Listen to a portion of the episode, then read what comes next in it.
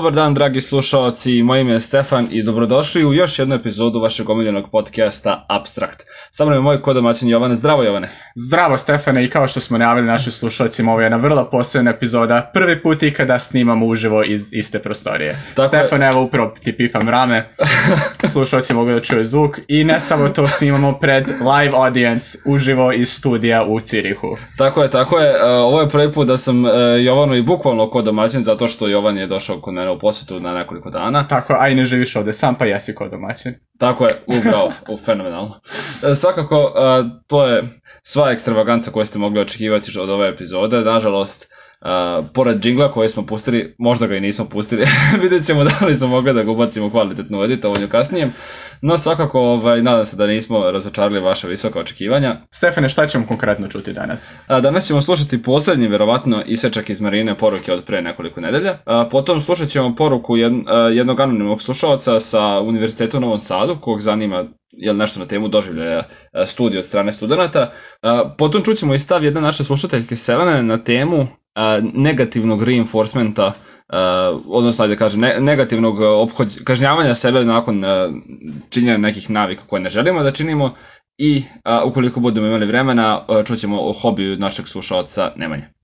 Tako je, Stefane, a možda pre nego što i uskočimo u prvu temu i ponovo očujemo Marinu, možda da najavimo još jednom slušalcima šta je domaći za već narednu epizodu. Naime, tu je još jedna knjiga koja se bavi Pa ja ne bih rekao samo produktivnost, mi što se bavi generalno naučnim radom, kako najuspešnije postići bilo šta iz sfere naučnog rada, s tim što naučni rad nije samo vezan za akademiju, već bilo šta što podrazumeva sticanje novog znanja i kreiranje mm, nekog intelektualnog stvaralaštva, ja bih rekao. Tako je u pitanju knjiga Deep Work autora Kala Newporta, uh, Cal Newport, i objavit ćemo ime i prezime autora kao i nas, naslov knjige u opisu ove emisije. I knjiga se dotiče ne samo, kao što je Jovan rekao, akademskog uh, dostignuća i akademskog rada, nego uh, principa koji se mogu primijeniti uh, jel, i u akademskom radu, ali i u radu u industriji i tako dalje u nekim drugim stvarima, e, dogod je uključen taj neki e, aspekt saznavanja, učenja novoga i tako dalje. Tako je. Sad, e, tačan naziv knjige će naravno biti opis ove emisije, kao ponovno i profil Marine, i sada ako ne, nemamo više ništa da kažem, možda da čujemo poruku Marine. Da, slažem se. Treba dosta da se razmišlja o tome, treba čovek da iskoristi vreme najbolje što može svoje životno i generalno vreme u danu. E, treba nekad i, ja, i to dosta često da se pravi da nema struje u kući, da samo isključi sve elektronske uređaje, sedne sam sa sobom u mraku i razmišlja šta ću sad, šta sad? I šta mi se to dešava u glavi, šta ja to zapravo razmišljam, bez ičijeg uticaja, bez nečijih standarda, nečijih očekivanja, znači samo sam ja u sobi sam, u mraku i sedim i ništa mi nije jasno, razjasnim sebi stvari u svojoj glavi i onda nastavim dalje. Kad se razjasnim stvari u glavi, šta želim, šta, šta hoću, šta mogu, e, onda se nastavlja dalje i onda iz toga izlaze dobre stvari. Kada znam šta hoću, ja mogu da odem i da tražim to od drugoga. Ako ne znam šta hoću, to je jednostavno potpuno gubljenje sve želje i motivacije i to je negde u suštini i, i, i mesto gde se gubi motivacija najviše, kada počne nekako ličnost da vam se stapa s okolinom. Hvala Marina još jednom. I mislim da ovo što je Marina rekla zapravo vrlo, um, vrlo smisleno i lepo rečeno i podsjeća me, to si zapravo ti rekao prve emisije, na poruku koju Jordan Peterson često govori zanimljivo je pošto Jel Marina nije koliko mi znamo slušala Jordana Petersona, ali eto imamo dve osobe koji sa takvom sličnom idejom um, su nam poznate, jel? Da, pa jako često imamo osjećaj kao što je naš uh, slušalac kojeg ćemo kasnije uključiti u, u čiji ćemo poruku kasnije pročitati, kao što je u nekom trenutku i rekao u privatnim razgovorima, da ljudi jako često donose neke bitne životne odluke i stiču stavove koje stiču bez da imaju jasnu ideju zašto. I kao što je Marina rekla, ta neka samospoznaja i saznavanje više, višeg o sebi po meni je zapravo fundamentalno za donošenje nekih a, daljih odluka, jer ako ne znaš gde želiš da ideš i ne znaš zašto tamo želiš da mislim, ne znaš zašto radiš to što radiš, sve su šanse da, da je to u proseku jedna čak i možda loša odluka. Šta misliš, Jovane? Mm, moguće i moguće, moguće. Mislim da to nešto što je baš tipično za studente kao jedan studentski problem, jer šta je bila odluka koju smo mi zaista morali da donesemo pre toga? Morali smo da beremo srednju školu i kasnije fakultet, ali sve ostalo kao neka cev bila kroz koju smo mi prolazili, nije tu baš ti bilo mnogo da se razmišlja. Znaš kako ti izgleda dan, znaš šta ti se što možeš da uradiš, ali sad jedno biraš ispite koje ćeš uzeti u ovom semestru, biraš da ćeš raditi master, biraš da ćeš raditi doktorske studije, što isto nešto ćemo možda pričati nekoj narednih epizoda, ja bih rekao. Ali mislim, ako, ono što je meni vrlo interesantno u ovoj poruci je da taj aspekt isključenog svetla, jer na neki način mislim da to govori uh, u prilog tome da kada razmišljam o tome šta dalje da na, ili šta nam je zaista bitno u životu, da moramo na neki način da se odvojimo od svoje svakodnevne rutine, prosto bismo mogli da se udaljimo i nekako malo bolje sagledamo šta je to što zaista radimo, da izađemo nekako iz, te, iz tog konteksta svakodnevice, ja bih rekao. Mislim da to jako lepo rekao i sa tim se slažem, međutim, ne bih se složio da je to nužno studentski problem, Ne, ne, mislim da je to sam problem sa kojim se studenti po prvi put susreću i onda nas kasnije prati. Da, da, da, ali, ali mi, mislim, mislim da e, se taj problem manifestuje i kod srednjoškolaca i čak i u nekoj manjoj meri u osnovnoj školi na nekom, ajde da kažem, mikronivou što se tiče sitnih dnevnih odluka. Da li ću ostati da odgledam još jednu epizodu animea ili ću otići da spavam, razumeš? I onda kad razmišljaš, aha, dobro, pa okej, okay, naspavaću se možda malo manje, spavaću sutra popodne, a baš mi se sad ovo gleda, Mm -hmm. To je jedna odluka koju donosiš u afektu manje više, jer te zanima to što hoćeš da gledaš i hoćeš da prestaneš, ali generalno kada pitaš tu osobu van afekta, jel, van toga što se tad gleda taj anime, mislit će o toj odluci da je zapravo prilično cool, jer ono što da ne gledate se anime, što ne bi, što bi sebi uskratio, jednom se živi šta god i sad možemo nastaviti da ovaj, lažno branimo taj stav. Uh, a zapravo nije, mislim, nije baš da je ta odluka toliko ispravna koliko je svi predstavljaju, zar ne? Uh, sada, mislim, meni se čini da ovde zapravo imamo kao dva nivoa donošenja odluka. Prvi je taj šta mi je zaista bitno u životu, čemu želim da se posvetim, a drugi je taj na nivou svakodne i da ću gledati još jednu epizodu um, anime ili ne. I mislim da um, je to donekle vezano za građanje identiteta u smislu u kojem je pričao u smislu u kojem je pričao James Clear. Naravno, sada podsjećamo slušalci da posluša našu šestu epizodu i našu priču o identitetu, jer ako neko uspostavi identitet sebe kao a, osobe koja ispunjava svoje obaveze na vreme, to se nekako sa tog višeg nivoa prenosi na taj niži nivo. Dok ukoliko nemamo jasno razrađen identitet u smislu toga ko smo mi, šta je nama bitno u životu, onda ta odluka da li ću gledati anime ili ne je manje više arbitralna. I misle da je Marina kada je pričala o ovom gašenju svetla i, dalje, i tako dalje, da ona više misle na taj viši nivo, to je taj nivo ko sam ja i šta ja želim u životu, pre nego taj nivo šta da uradim u ovom konkretnom momentu. Da, slažem se, drago mi što se osvrnuo na to, pošto sam malo ostao nedorečen i nisam se dotakao toga, hteo sam u svojoj prethodnoj rečenici, samo te nisam želeo sad prekidati. Uh, ja mislim da redovno donošenje takvih odluka kao što je bila u navedenom primjeru odluka da ne znam se ostane do kasno ujutro da se gleda anime, uh, polako reinforce, a, polako uh, po, podstiče identitet te osobe kao osobe koja ko je draže da gleda anime i da e, se, ajde da kažem, povinuje trenutnom nekom zadovoljstvu umesto da uradi nešto za sebe u budućnosti. I mislim da je to samo jedna od e, navika u velikom lancu, navika koja će dovoditi do jel, e, stila života kakav taj osoba ne bi želela za sebe Slažem, slažem. Pa mislim da upravo to je ono čemu James Clear govorio, da kada odredimo svoj identitet, da sve naše navike su kao neki glas za i protiv tog identiteta.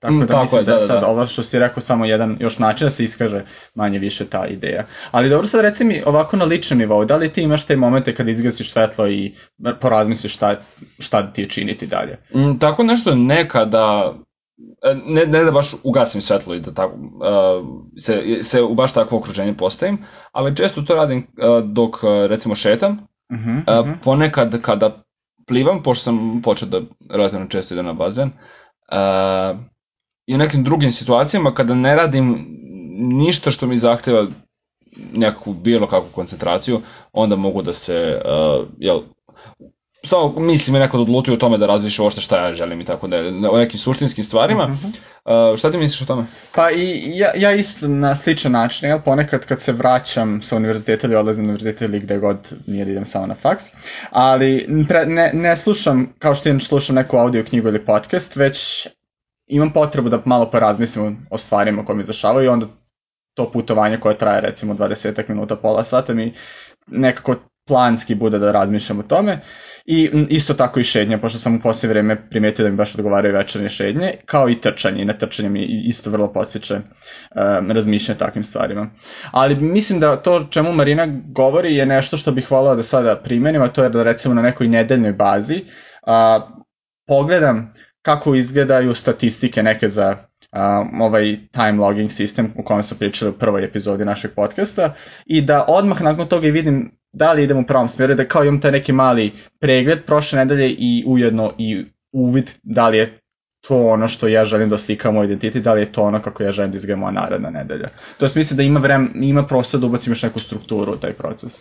A, da, e, čisto zarad naših slušalaca pokušat ćemo, ali ne obećavamo da e, objavimo uz ovu emisiju i neku analizu Jovanovih navika koje budem sprovan. E, kao što sam pre pričao, pravio sam grafik nekih zavisnosti Jovanovog uspeha od spavanja i uh, tako smo gledali, zaključili smo da Jovan ako se naspava ne mora nužno znači da će imati produktivan dan, ali ako se ne naspava da skoro sigurno neće. I to je bio samo jedan tako zaključak iz statistike koje smo izvukli. Uh, tako da eto, nadam se da ćemo moći da oslikamo uh, šta, šta ti naučiš uh, iz tog svog time logovanja. A kaži mi, ovo što je Marina rekla, da li ti osjetiš da je neko povezano sa meditacijom, da li, kako razlikuješ ta dva procesa? Ah, mislim da sada kako ljudi definišu meditaciju nije nešto što sam pripremao za ovu emisiju, ali koliko ja sam naučio iz aplikacije Headspace o kojoj sam opet pričao prvoj epizodi, meditacija je više način kontrole misli u, u smislu da meditacija pokušava da smanji nivo mentalne buke i da prosto postaneš svestan misli koje te se sve vreme pojavljuju i prolaze kroz glavu pre nego neko planiranje života. Pa da, mislim što se meditacije tiče, trebalo bi da se trudiš stalno da ne razmišljaš ni o čemu, makoliko to čudo zvučalo, i samo da se, da se oslobodiš što više misli možeš. Ali ideja, mislim, zajednička strana im je da želiš da uspostaviš neki, ajde da kažem, mir i da van uh, spoljašnjeg aspekta, što jeste većina te buke o kojoj pričamo, možeš da razmišljaš o nečemu, odnosno u Marinom primjeru da bez, ben, ba, bla, u Marinom primjeru da bez te mentalne buke možeš da razmišljaš o svojoj budućnosti, o sebi na neki dublji način, dok meditacija postiže sve to samo bez onog dela sa razmišljanjem o tome. Mm, na neki način bi možda meditacija mogla da bude uvertira u taj neki dublji dublju analizu, ne verujem da i jedno i drugo. Mislim, da, mislim slažem da se, slažem se, mislim da si, da si, da si da. to dobro rekao, da. Ok, no onda bismo možda mogli da čujemo i poruku od ovog drugog, od našeg drugog slušalca koji je želeo da ostane anoniman. Zanimljivo je dodati nešto za pričanje o tome šta se studira. Jako je malo ljudi koji studiraju fiziku i pričaju o fizici kada sednu na kafu sa kolegama studentima. Zašto je to toliko drugačije od priče o filmu koji si odgledao ili knjizi koju si pročitao? U kojoj meri studenti uče zbog sebe ili znanja, a koliko zbog ocene? Ako studenti sede i rade zajedno, koliko je to često vezano za ispit, a koliko je to nešto vezano za ono što ih zanima, a nije potrebno za ispit? E, evo mislim da je ovo još jedna a, zanimljiva poruka, ali ne bih rekao da je to što ljudi ne pričaju o fizici obavezno znak da ljude ne interesuje fizika.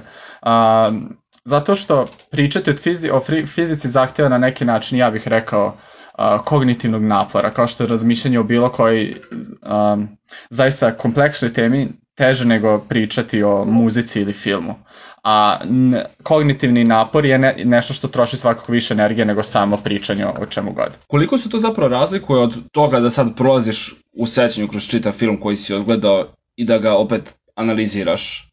Mislim, ne deluje, pored toga što je različita tematika, ne deluje fundamentalno različita, zar ne? Ali mislim da je mnogo teže pogrešiti kada se priča o utiscima koje određeni film ostaje na nas, nego kada se radi o prepričavanju neke uh, naučne teze zar ne? Dobro, ok, mogu se složiti da napornije i da ljudi manje pričaju o nekim tako, el, napornim stvarima u situaciji koja je e, seli smo na kafu da malo odmorimo. Tako je, da, zato što upravo kafa je na neki način i mentalni odmor, pošto i um se, jel, umara na neki način. Da, ali takođe je i, mislim, takođe je i prilika da radiš na sebi na tome što radiš. Uh, Tako, ali onda bi išao sa ciljem da radiš. Mislim, dobro, da, razumem. A recimo, na konferencijama naučnim, obično tokom pauza za kafu, ljudi pričaju o tome šta trenutno rade. Ali mm, okay. mislim da čak i oni kada sednu sa porodicom da razgovaraju, da ne razgovaraju o tome šta im je bilo na poslu. Mislim da to sve ima neki kontekst koji određuješ o čemu će se pričati, da prosto taj potpuno neformalni kontekst obično znači potpuno kognitivno nenaporni kontekst. Ok, aj, ovako mislim da imam neku, neki zaključak na ovu temu.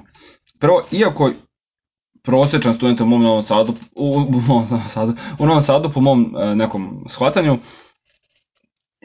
nije da stvarno ima neki sub, jako naporan dan i onda mora da sede na kafu, da se izloftira, da se odmori, nego sede na kafu jer je tako lakše, jer mu to prija, jer to voli, voli da pije kafu, voli da se druži i tako dalje. I to je generalno, generalno linija manjeg otpora u poređenju sa, sa, sa razgovorom o tome što se studira, o ne, ne, Mhm. nekoj naučnoj temi. Mhm, mhm. I generalno da je to problem koji se javlja, manifestuje na hiljadu drugih načina, ta da kažem linija manjeg otpora. Ja sad, kada sam razgovarao sa kolegama dok sam bio u Novom Sadu, rekao bih da je jedno 50% razgovora bilo o studijama. Sad kad sam došao ovde u Cirih, jako ih je puno. Mhm. Mislim, često pričamo i o, ne znam, uh, različitim kulturološkim razlikama između, između naše zemlje. O čemu god da pričamo, jel, kako je nešto u Srbiji, kako u Švedskoj, kako u Švajcarskoj i tako dalje. Mhm. Ali i dalje e, mislim da češće ovako usput pričamo o tome što studiramo. Ja sad mislim, ne bih da te prekidam, ali mislim da je to ipak značajan faktor što ste vi ovde tek mesec dana. Zar ne mislim da će zaista oko biti za, ne znam, godinu dana kad se budete mnogo bolje poznavali. Jer delo mi u Srbiji, nakon što si kreo na faks odmah, da će svi naravno pričati o fakultetu prvih mesec dana, jer to je velika promena u njihovom životu. Um, ok, tam, tam, ono što ću sad reći sam svako želeo da kažem.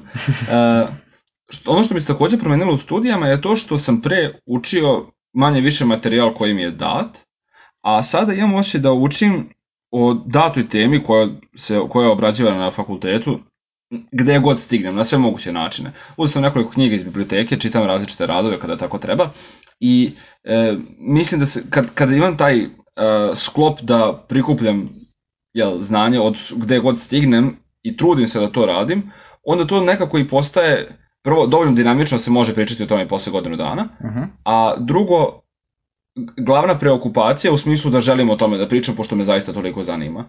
A kada mi je samo ne, nešto što radim tako usput, nije baš da mi je glavna stvar o kojoj ću pričati. Mm, moguće, moguće. Moguće. Mm, moguće da si u pravu s tim u vezi. A, to me Da. zapravo i nekako dovodi na drugu temu ovog razgovora. Misliš li onda da je struktura fakulteta takva da ti da te ne podstiče da sam istražaš na neku temu. Jer mislim da ako sam ne istražaš da su onda šanse da će to i zaista i zanimati, da neće biti zarad ocene još manja i dodatno da je šansa da ćeš pričati, da će te zaista zanimati to što učiš za faks manja, ukoliko je to što učiš nešto relativno nebitno, što postoji samo eto, zato što je delovalo kao da će izgledati dobro za kurikulum, a zapravo se uči na očajan način, ocenjuje na očajan način. Da, um, mislim da je jako bitno koliko je prvo kakvo je gradivo i koliko je izazovno i koliko su ljudi u pita, o kojima pričamo uh, u, mogućnju, u stanju da se posvete tome koliko žele da se posvete tome i tako dalje. Uh, gradivo koje sada radim i je po meni mnogo izazovnije i brže napreduje od onoga što sam radio u Novom Sadu i zbog toga imam potrebu da uh, da kažem, čitam razne knjige i učim odakle stignem, da, bih, da ne bih toliko kaskao za njim. I mislim da je to nekako e, razvilo neku znatiželju kad sam usput čitao stvari, onda sam još više čitao i onda je to dodatno me zanimale, e, stvari su me dodatno zanimale i stvorio se taj pozitiv, postala pozitivna petlja. mhm, Ovaj, I mislim da je tako, e, da to često nije slučaj kod ovako, kod ljudi koji studiraju onako, da kaže, ne, neentuzijastično koji studiraju samo zarad ocene. Moguće, moguće. Ja mislim da je to Mislim- generalno stvari do identi, identiteta, zar ne? Moguće da je u to određen meri, da identitet sigurno igra tu važnu ulogu, dok s druge strane možda je i, hm, pošto sad pričamo konkretno o studentima, možda bi trebalo diferencirati između, to jest možda je potrebno ni vidjeti razliku između studenta osnovnih studija i studenta master studija, pošto meni konkretno, iako sam na istom univerzitetu u oba slučaja, master predmeti su mi daleko zanimljiviji. Mm, Samim tim što prvo odabrao sam nešto što je već uže i meni bliskije, E, I s druge strane, na masteru se zaista rade a, stvari koje su se otkrile pre par godina bukvalno i samim tim su zanimljivije pošto bukvalno predstavljaju vrhunac ljudskog znanja, ja bih rekao. Da, i, e, upravo smo imali takvu situaciju gde smo spominjali nešto što je, uh, mislim, za, spominjali smo otkriće za koje je 2016. godine dodeljena Nobelova nagrada i dalje smo zaista učili neke stvari vrlo povezane sa tim, što je Mhm. vrlo, vrlo sveže otkriće. I uh, slažem se sa tvojim poređenjem osnovnih i master studija i mislim da je pomalo problem i nekako nužno zlo to što osnovne studije imaju za cilj da e, pripreme studente da odluče šta žele da upišu dalje za master, što znači da studenti moraju da od svega pomalo nauče Da, da. i da se tek specijalizuju za master, a realno od, od, tog, od tog svega pomalo nije da ih sve zanima. Slažem se, da.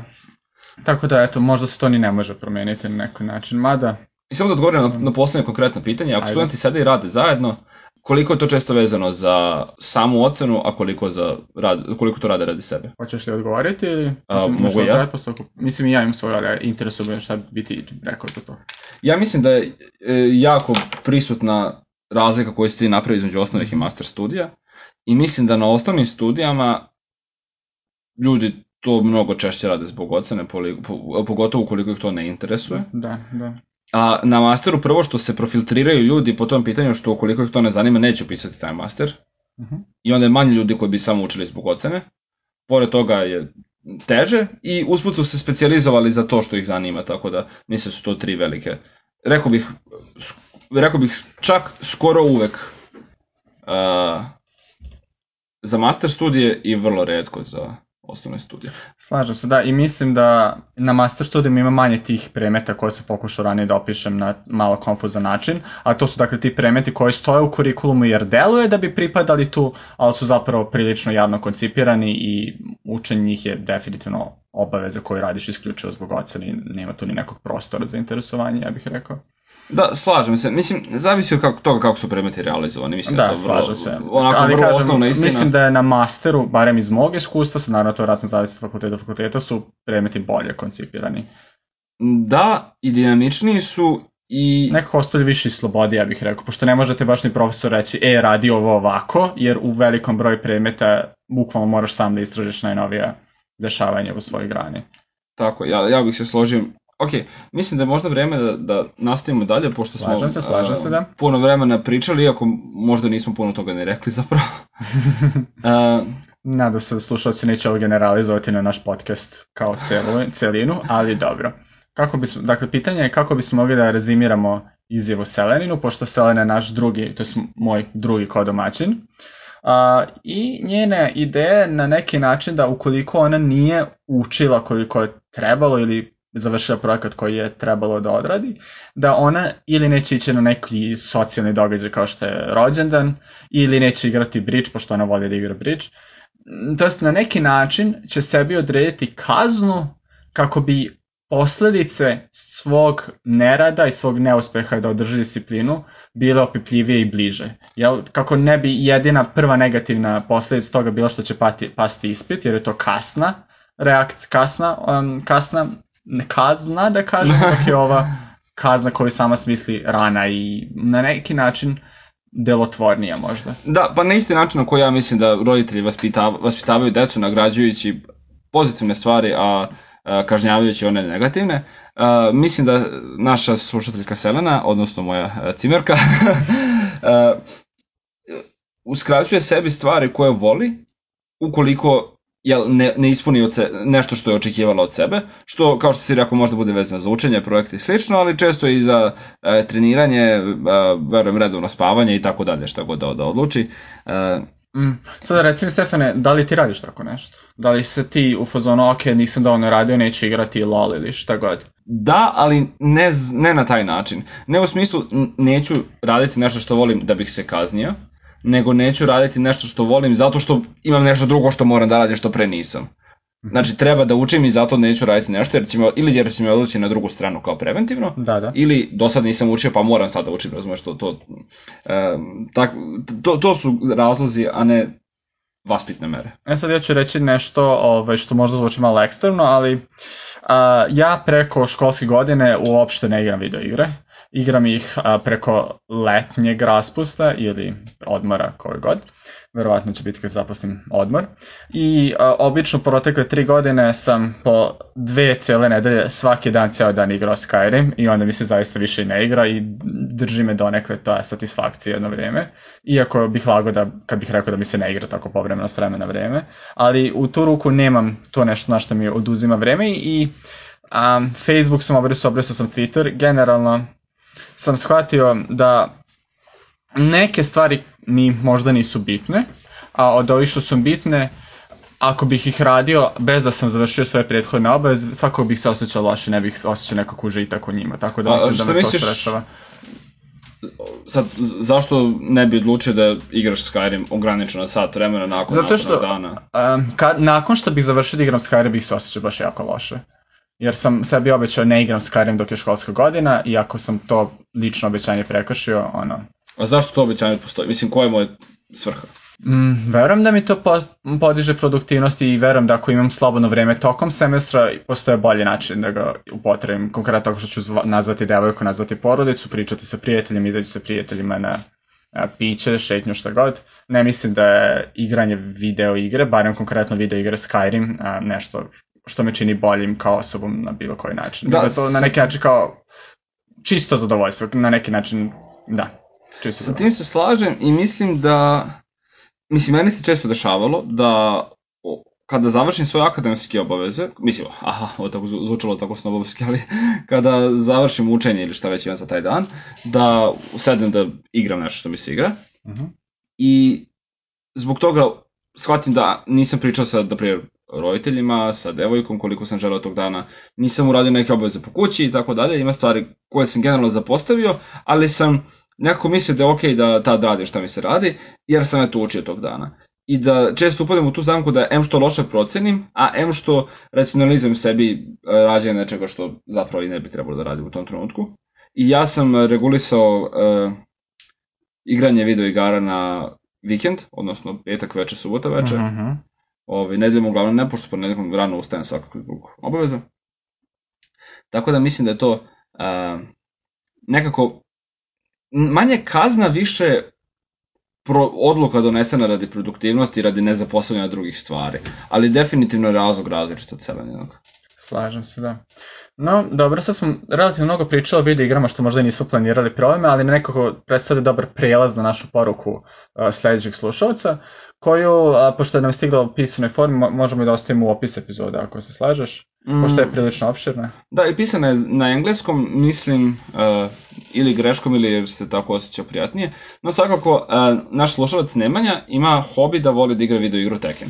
I on misli da je to na neki način više od samo igre, što ne mislim da je da, da je nemoguć kao koncept, nego da to zaista često postoji među ljudima i uh, mislim da je možda bolje da ostavimo tu poruku u U celosti, slažem U se, ali što da. mene posebno zaintrigiralo za, u vezi sa tom porukom su dve stvari. Naime, prva stvar je da je Nemanja primetio da kad igra tu igru, pošto je Nemanja neko ko je ranije sebe, znam pošto je prijatelj takođe, video pre svega kao gejmera i ukoliko bi radio nešto za faks, i to mu baš i ne ide, onda vrlo lako dođe do toga da prestane da radi to što radi i ode i igra um, video igru. I nakon što je pročitao Tommy Habits Jamesa Cleara, um, shvatio da bi to mogao, moglo donekle da se objasni time što je njegov identitet kao gejmera bio važniji njegovog identiteta kao studenta. I nakon što je to uvideo, i to je sad ono čemu su ti ja mnogo pričali, to je da, vr, taj, da je ta neka samoanaliza preduslov da bilo šta promeniš, a nakon što on uvideo naime tu činjenicu je shvatio da želi prvo da bude student pa onda gamer i kao posljedic toga je pokušao da pronađe neku video igru koja će uh, zahtevati mnogo manje vremena po jednoj sesiji igranja zarad istog nivoa neke, neko, neke mentalne satisfakcije, nekog zadovoljstva zarad igranja. I sad u vezi sa ovom igrom je zanimljivo to što uh, već partije traju do pola sata maksimalno i on ti se stvarno više ni ne igra ta igra zato što uh, ti bukvalno ti iscrpli i nemaš više želju da igraš, što je meni vrlo zanimljiva ideja. Dakle, prvo je to spozna sebe između ge, ka, identiteta kao gejmera protiv identiteta kao studenta i druga je ta, a, a, ta ideja da je to jedna igra koju, uh, koja vrlo brzo iscrpljuje i što je sad treća stvar što je isto Nemanja me naglasio, tako da eto nek bude da su tri, a ne dve stvari, je da je to igra koja na neki način razvija sposobnost uh, predviđanja šta bi bilo sledeće što će uh, protivnik odigrati i brzinu reakcije. Sad ti igraš LoL, mislim da je tu isto te dve stvari su veoma značajne. Pa, u neku, ruku, u neku ruku da neku, u neku ruku ne. Recimo da ono što najviše igram su LoL i, i Warcraft 3, što je, ova druga igra je strategija, a prvo verovatno ne moram da, da objašnjavam. I mislim da, da to su često navođene prednosti uh, igranja video igara, ali nekako mi to u neku ruku zvuči kao da je racionalizacija, zato što ja ne verujem da ću ikada zaista imati neke posebne prednosti od toga što ću moći da se da brzo reagujem na nešto, ali sa druge strane neke druge e, veštine koje bi se razvijale u tom slučaju kao što su planiranje ili još možda bitnije e, mogućnost koncentracije mislim da mogu pronaći neku veću primjenu u, u, u svakodnevnom životu i u drugim poljima van, van tih igara. I pogotovo kada je slučaj sa igrama koje uključuju dosta analize puno stvari odjednom, mm -hmm. s, s, brzog stvaranja strategije i tako dalje, mislim da ovo prvo može da uh, pomogne pri razumevanju komplikovanih uh, pojmova i, i povezanosti između njih u nauci. Što je u suštini definicija IQ-a, to je generalna inteligencija? razumevanje mm. pojmova, koji su na razumevanje abstraktnih pojmova i veze između abstraktnih pojmova, manje više definicija generalne inteligencije, tako da A, zanimljivo što si uvide tu. Stvari, ja sam... mislim da ima mnogo istraživanja tu temu korisnosti video igara, iskreno da budem ja baš nisam pročitao pred ovu emisiju, ali mislim, ali koliko se čuo ima zaista mnogo veze, korelacije između ljudi koji igraju neke strateške video igre i generalno imaju uh, uspešnosti u nekim drugim kognitivnim oblastima. Da, s tim bih se složio i um, ovo je donekle povezano sa knjigom koju smo najavili na, uh mhm. -huh. na koju bih podsjetio naše slušalce. Dakle, radi se o knjizi Deep Work, uh mhm. -huh. autora Kala Newporta i uh, kao što ćemo čuti u narednim emisijama, knjiga se tiče uh, efikasnosti uh, učenja i rada generalno u situacijama kada je, ta, kada je osoba u pitanju uh, vrlo fokusirana na to, mhm. bez ikakvih distrakcija i ukoliko osoba može da po meni, odigra partiju neke prilično zahtevne igre koja traje pola sata, sat vremena ili koliko već, sa punom koncentracijom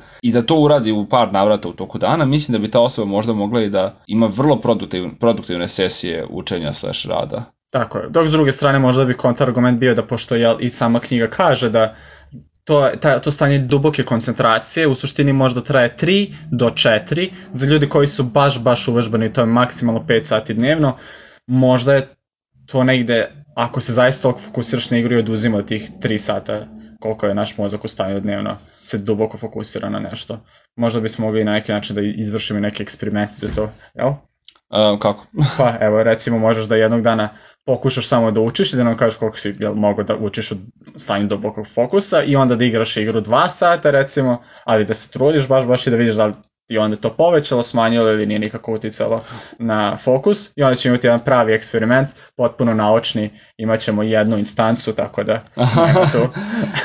da, ok, evo, odmah ću ti dati neki odgovor što se tiče mojih iskustava. Uh, kada bih umoran uzeo da igram neku igru, Uh, razlike između toga da li sam jako ili ne baš toliko jako skoncentrisan su manje primetne nego da učim i ako učim skoncentrisano nekoliko puta bolje ću učiti nego ako učim bez te koncentracije, dok u igrama to nije baš toliko slučaj, a i dovoljno su onako flashy i dovoljno odvlače pažnju da, da se donekle skoncentrišeš da zaista znaš šta se dešava, da pratiš situaciju, ovaj, ali definitivno kada sam odmoran mislim da igram primetno bolje stvari. Mm, I čak i kad se jako trudim, ne zašto se inače ne trudim ili me mrzio da se trudim, nego zaista donosim odluke lošije. To mi je svakako jako zanimljivo, Stefane. A sada, Stefane, već smo najavili ovim putem i sledeću knjigu koju ćemo dakle analizirati u narednoj emisiji i želeo bih da pozovem naše slušalce da kažu svoje iskustva u vezi sa studiranjem, fizikom ili čim, u vezi sa videoigrama, studiranjem i o tome o čemu razgovaraju na kafi sa kolegama ili sa kolegama sa posla ukoliko već rade. I još, naravno, prihvatamo sve poruke u formi tekstualnih mailova kao i audio formu, što još, audio formu što još više volimo. Naša adresa je abstract.posta.gmail.com Tako je, kao što je Jovan rekao, to je naša email adresa i na nju možete slati sve vaše komentare, primetbe, sugestije i tako dalje, pitanja ukoliko ih imate. Da, kao što smo rekli, za nedelju dana ćemo raditi review knjige Deep Work, njen naslov i ime i prezime autora ćete pronaći u opisu ovog snimka, ovog, ovog, ovog epizode. Svakako, do iduće epizode, pozdrav! Zdravo!